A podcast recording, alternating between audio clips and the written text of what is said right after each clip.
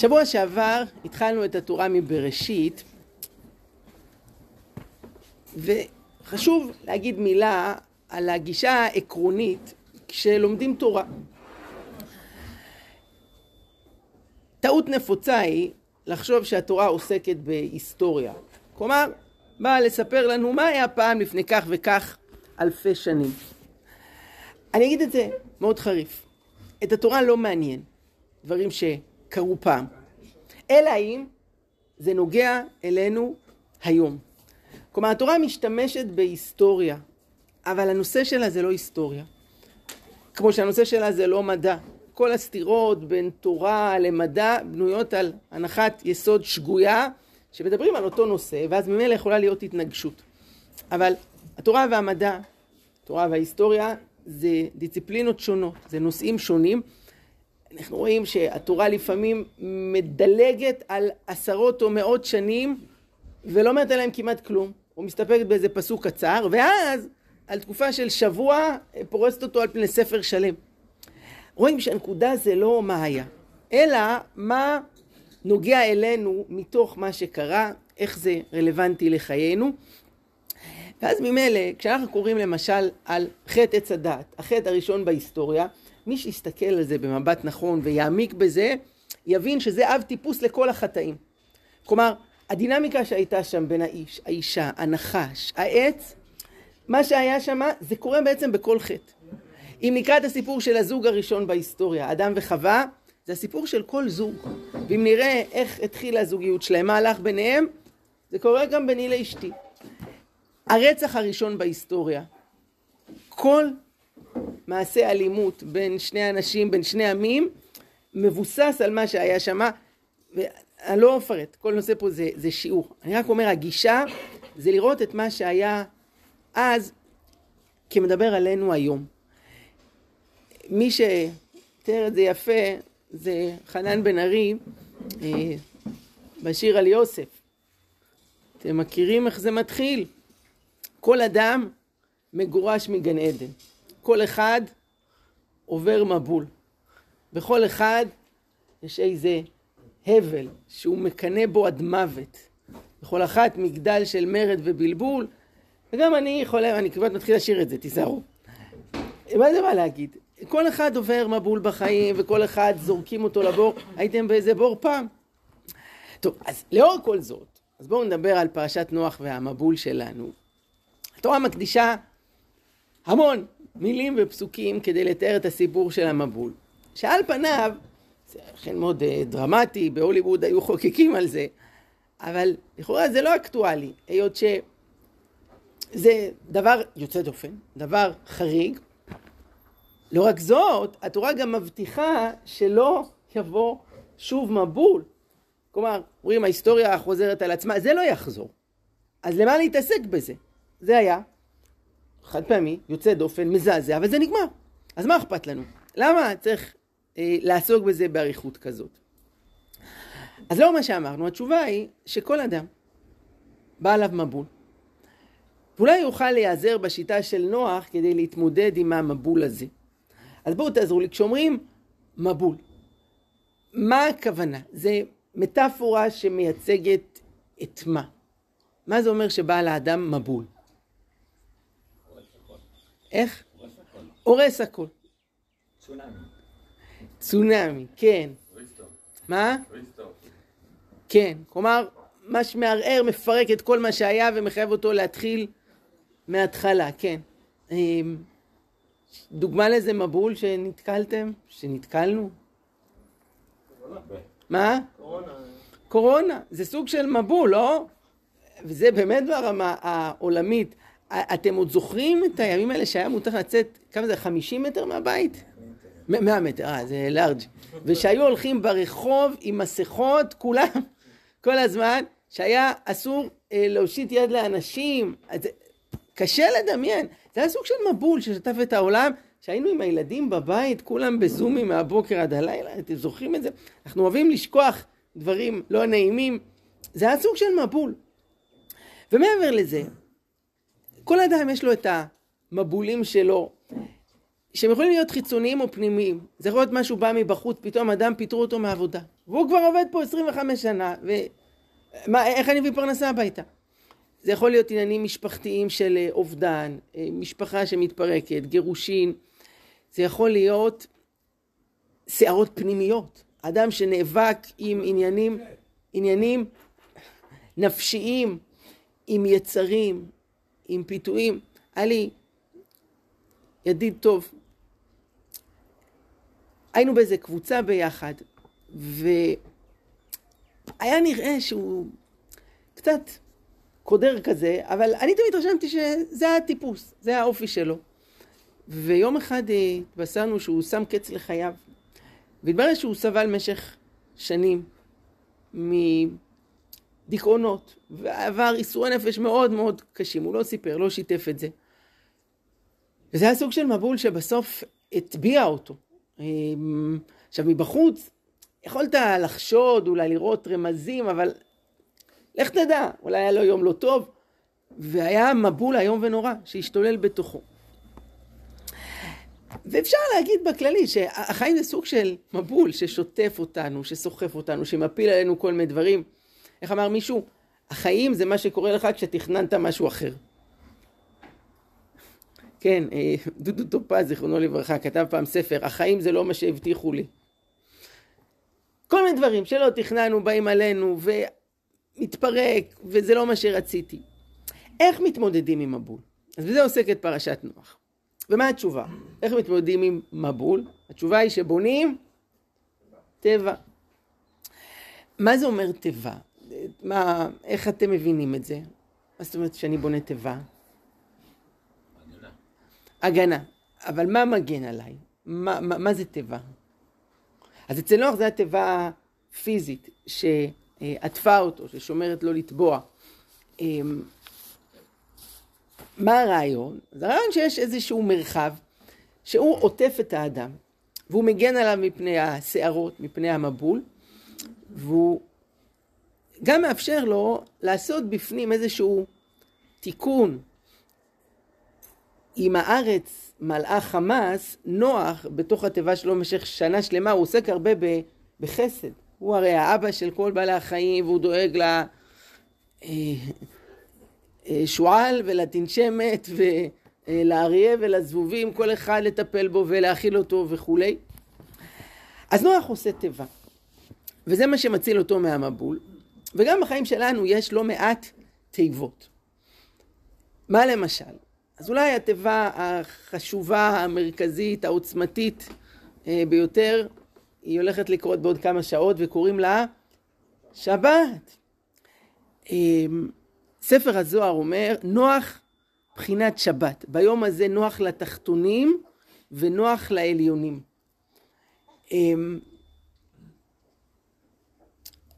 אה, בלי להיכנס לעומק הדברים, אבל יש משהו בנוח שקשור לשבת. אחד השירים הכי מפורסמים בשבת, יום שבתון, אז נוח איכשהו השתחל שם. איך זה הולך?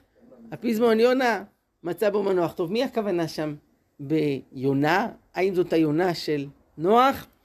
אולי, אם כי לא מצאנו מקור לכך שהיא נחה דווקא בשבת, כנראה זה עם ישראל שנמשל ליונה, אבל בכל אופן, בשבת עם ישראל אה, מצא מנוח. אמ, החיסרון שזה מגיע רק פעם בשבוע.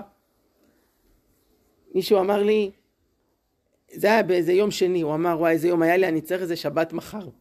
אתם מרגישים לפעמים, היה צריך לפחות פעמיים בשבוע. לא, ראשון, שני, שלישי, שבת, רביעי, חמישי, שישי, שבת. טוב, יש לנו פעם בשבוע, אבל שבת זאת הזדמנות שאפשר להתכנס אה, פנימה. אפשר קצת להשקיט את הרעש שבחוץ אחת המתנות הכי גדולות בשבת זה שאין את הדברים האלה, נכון? שאפשר אה, להיות עם אנשים ולהסתכל להם בעיניים בלי שמישהו יגיד אוי שנייה יש לי שיחה אני חייב לענות, לא חייב לענות. אפשר להיות, אפשר לחוות, אז זאת המתנה הראשונה, שזה השבת. תיבה מספר 2, ואני אתן פה דוגמאות לכמה תיבות ממה שיש לנו בחיים, זה משפחה. אנחנו חיים בעולם שמערער את המושג משפחה. מה זה בכלל משפחה? זה אבא ואימא, זה אבא ואבא, זה אימא ואימא, זה אה, אבא וחתול, לא, לא ברור. כל אחד יגדיר לבד.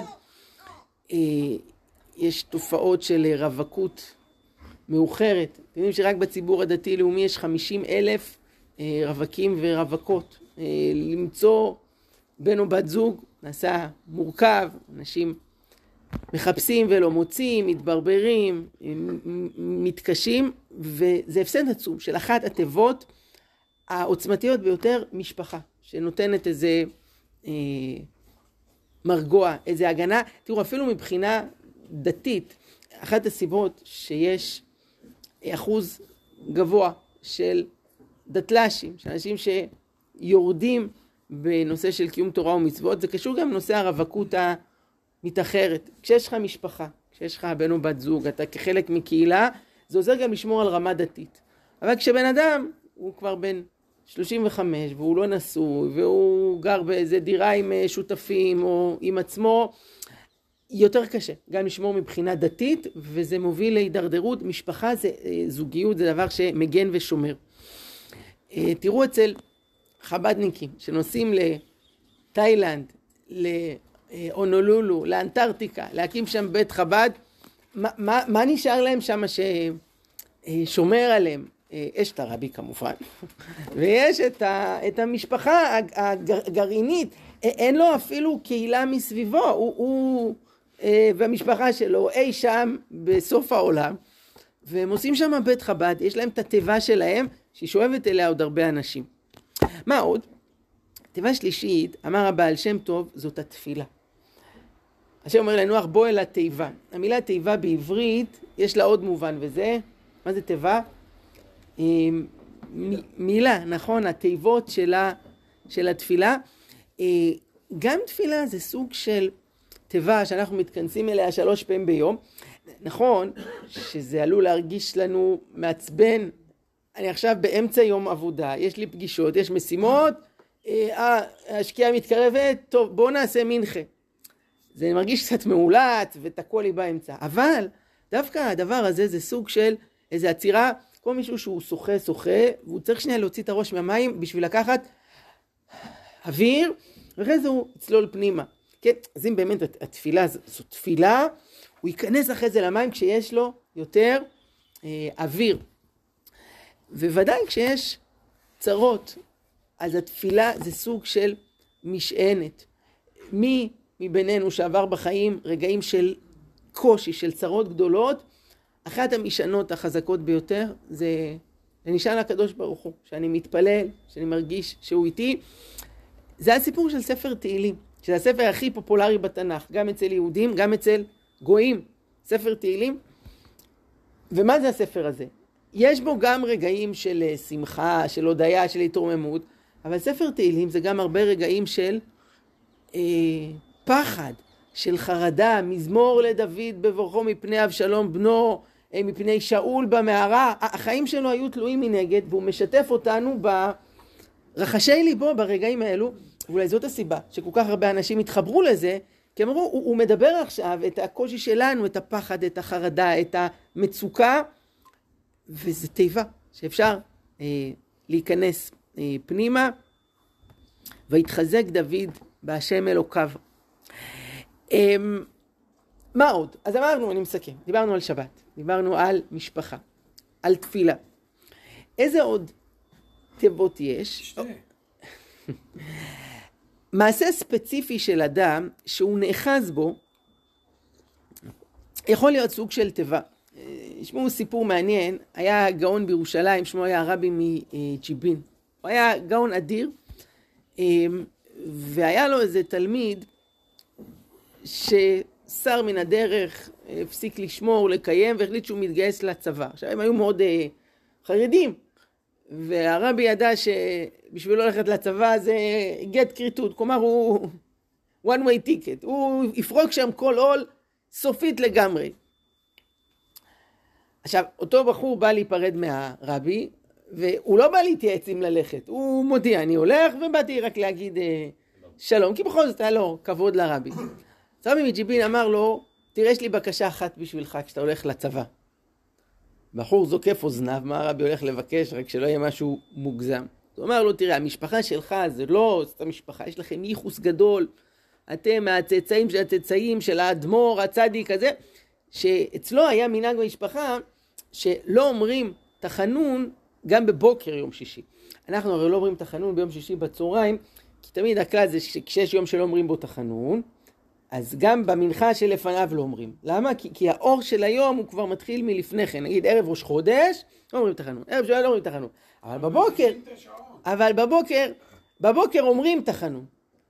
כי הבוקר זה עוד רחוק. אצלם במשפחה היו צדיקים, היה מנהג שגם בשישי בבוקר לא אומרים תחנון.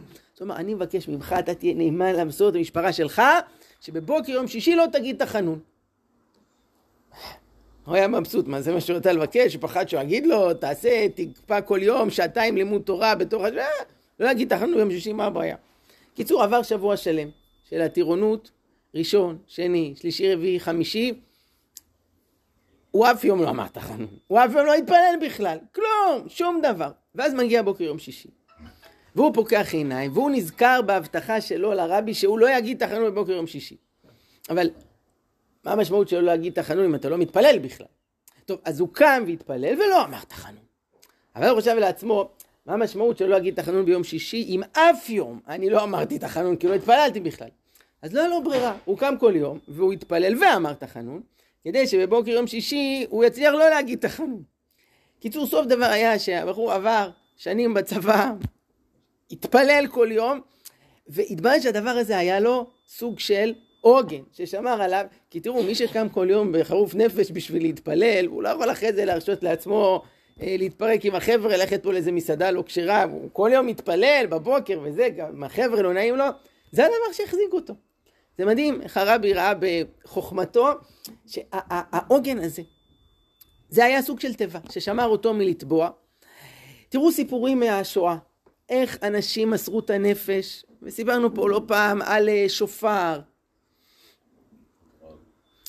אה, כל הסיפורים, אה, כן, טוב, זה מאירופה של אותם הימים, האתרוג ומגילת אסתר.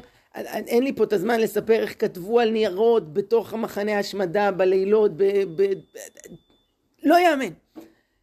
אבל מה, אתם בקושי חיים, בקושי שורדים, אנשים שדופים, חייהם תלויים מנגד, עזבו, הקדוש ברוך הוא מוותר לכם. הם לא ויתרו. והתברר שהדברים האלה, זה היה סוג של תיבה, איזה עוגן ששמר להם את, ה, את, את הקשר. אני יהודי, המצוות, הקדוש ברוך הוא, בתוך אה, גיא צל מוות. אז זה היה דוגמה למעשה מסוים, שהוא יכול להיות אה, סוג של אה, תיבה. אה, איזה עוד תיבות יש בחיים? אז תראו, יש דברים שהיה לנו תקופה, וזה נגמר, אבל ההשפעה הולכת איתנו. למשל, אדם שזכה להיות ב... אה, ללמוד בישיבה, ללמוד במכינה, בסדר, היה שנה במכינה, אה, מישהי שהייתה במדרשה. ההתכנסות הזאת לתיבה, וזה סוג של תיבה, כי חיים של ישיבה זה לא חיים נורמליים. אתה מהבוקר עד הערב יושב ושוקד על התורה, אתה לא עושה קניות, אתה לא נפגש עם חברים, אתה שוקד על התורה. זה סוג של התכנסות פנימה, וזה נתן פרנסה להרבה שנים קדימה. אני מתגעגע כל הזמן. בשנים שהייתי בישיבה, התחלתי ללמוד בישיבת מרכז הרב אה, עשר שנים. ולפעמים יש לי מין פנטזיה, אם הייתי יכול לחזור לאיזה שבוע, לאיזה חודש, ככה לשקוע בתוך התורה, בלי כל מיני עיסוקים. בזמני גם לא, לא היה טלפונים, אה, אה, קצת, התחיל, אני זוכר, היה טלפונים ציבוריים, הייתי רוצה להתקשר הביתה, אז היה בהתחלה הסימונים, אחרי זה היה טלקארט, בזקארט, אתם זוכרים את הדברים האלה? היה תור לטלפון הציבורי. לא היית מחובר בווריד כמו היום, תשמעו, זה היה חיים, אה, היה נפלא. זה ההתכנסות לתוך אה, תיבה. עכשיו, גם היום, בן אדם הוא איש עובד. הוא עכשיו בהייטק, הוא רופא, הוא מהנדס. אבל לקבוע את הזמנים האלו של עיתים לתורה, שאדם לא מוותר על זה, שיש שיעור פעם בשבוע. תראו, אני מאוד משתדל לשמור על השיעור שלנו, גם כשיוצא שאני לא נמצא. אה, יום שישי שעבר הייתי... בחוץ לארץ. השתדלתי שיהיה פה מישהו אחר במקומי בשביל שיהיה קביעות. לא לוותר, לשמור על, ה, אה, על הדבר הזה. אה, קהילה, להיות חלק מקהילה. לא מעט חילונים מקנאים, אתם הדתיים, כיף לכם, יש לכם קהילה, וקהילה היא, היא עוטפת, היא תומכת. שעה טובה נולד ילד, מבשלים ארוחות, מבשלים, עוזרים. כן, זה שבן אדם חלק מקהילה, אז אפילו ברמה הזאת של תוספת, לא רק לאיכות של החיים, אלא גם לכמות שלהם, ועוד ועוד. תגידו, כמה תיבות בן אדם יכול לבנות בחיים שלו? התשובה היא כמה שיותר. נוח בנה אחת, זה מה שהוא הספיק. אבל כל המרבה הרי זה משובח, כל תיבה זה סוג של עוגן. ואולי זה רמוז בזה שנוח בנה את התיבה במשך כמה זמן? מאה ועשרים שנה, כן. אז אה, אה, מה, מספר מאה ועשרים, מה הוא מסמל? עד מאה ועשרים, כן, זה החיים של... כי כל החיים צריך לבנות, אה, לבנות תיבות. ואני אוסיף פה עוד דבר, יש בתורה, חוץ מהתיבה של נוח, עוד סוג של תיבה. או עוד מישהו שמכניסים אותו לתיבה. מי זה היה? קטנצ'וס, משה, נכון, הכניסו אותו לתוך תיבה. זה מעניין ההשוואה בין התיבות, אבל אולי זה בא להגיד לנו שכמה שאנחנו צריכים תיבות, אבל אנחנו אנשים מבוגרים, יש לנו ניסיון, ראינו דברים, אנחנו יודעים להתמודד. מי שהכי צריך תיבות שישמרו עליו זה מי? זה משה הקטן, זה הילדים שלנו שצריכים אה, הגנה, וצריכים שמירה, וצריכים מעטפת, שאנחנו אלופים בזה כשמדובר בעניינים החיצוניים, נכון, שילד לא יעבור כביש לבד, אם הוא עדיין קטן מדי, ושלא יעשה דברים מסוכנים, ולעיתים, אומר את זה בעדינות, אה, קצת פחות. עושים את השמירה בתחומים הרוחניים והנפשיים. אה, כמות הילדים בכיתה ב' שמחזיקים סמארטפון, שזה מכשיר שאין להם יכולת להשתמש בו בצורה אה, מאוזנת, בריאה, היא מרקיעת אה, שחקים. אה, היום מחצית מהילדים בכיתה א' במדינת ישראל יש להם סמארטפון, ותראו, סמארטפון זה סוג של מבול, כן, בפרט אם הוא לא מסונן, השטף שנכנס מפה, אנחנו יודעים את זה כמבוגרים, מה זה מציף את האדם, מה נגיד על ילדים צעירים, על בני נוער ועולם הרשתות החברתיות, תראו, הם צריכים את התיבה, את ההגנה, שאנחנו, ההורים, המבוגרים, נשמור עליהם, אה, נאזן, נגן. אמ, ואני אתן פה עוד אה, טיפ אחרון, שכדי שהתיבה תהיה אפקטיבית, אז יש עניין להיכנס אליה עד הסוף. כמו במקווה, ההלכה היא שאדם שנכנס למקווה, אבל הייתה שערה אחת אה, בחוץ, אז לא עלתה לו טבילה. צריך להיכנס טוטאלית, לגמרי. אז כשאנחנו כבר יצרנו תיבה, להיכנס אליה עד הסוף. לפעמים אנשים הם, אה, איך אומרים בערבית, נשתאי נשתער, לא פה ולא שם, אה, גם כשהם בפנים הם חצי בחוץ. נגיד אדם משקיע את הזמן לעמוד מול הקדוש ברוך הוא בתפילה. האם הוא אכן נוכח שם, או שתוך כדי התפילה... כן, איך אמר הגאון מווילנה, למה היהודי תמיד זוכר את המשימות שלו, אחראי מה צריך לעשות והגוי לא? אז הוא אמר, כי יהודי יש שלוש פעמים ביום תפילת שמונה עשרה. שיש לו זמן לחשוב, אפשר לצאת קניות, הוציא אותו מהמוצר, שלם ארנונה, הוציא את הילד מהחוג, הוא... כן, אנחנו מחייכים, אבל זה, הבדיחה היא עלינו. זה לא להיכנס לגמרי אל תוך התיבה. או למשל, שבת. שבת זה זמן שיושבים כולם, זה זמן אה, נורא מתאים אה, תוכניות, מה אנחנו הולכים לעשות השבוע ומה ללכת וכולי. אבל אנחנו אומרת לא להתעסק בשבת בעניינים של חול. אנחנו עכשיו בשבת, בוא נהיה בשבת עד הסוף. אה, בני זוג יוצאים ביחד לבית קפה, לאיזה סוג של תיבה זוגית, בסוף אתה רואה את שניהם יושבים עם הטלפונים וכל אחד צ'יק צ'יק צ'יק צ'יק צ'יק צ'יק. אז בנית תיבה, להיות שם, להיכנס פנימה, לנצל את המתנה הזאת. אז אם אני מסכם, מה שניסינו פה לראות ביחד, זה איך הסיפור הזה של נוח, זה הסיפור של כולנו. אמר חנן בן ארי, אה, אה, איך זה הולך עם המבול? כתבתי לי את המשפט, כל אחד עובר מבול, ולא מבול אחד. אנחנו מוצפים במבולים פנימיים וחיצוניים. והמשימה שלנו זה לבנות תיבות. אה, שבת, משפחה, קהילה, זוגיות, ישיבה, לימוד תורה, אה, מערכות יחסים, אה, חברות של אמת, קנה לך חבר, עשה לך רב, זה עוגנים, זה תיבות, שכמה שיותר תיבות, כל החיים לתחזק אותם, להיכנס אליהם עד הסוף, כשמדובר בילדים שלנו, אז צריך אקסטרה אה, תיבה דווקא בגלל שהם כך רגישים וצעירים. שיהיה שבת שלום, תודה רבה, בשורות טובות, נתראה בעזרת השם בשבוע הבא.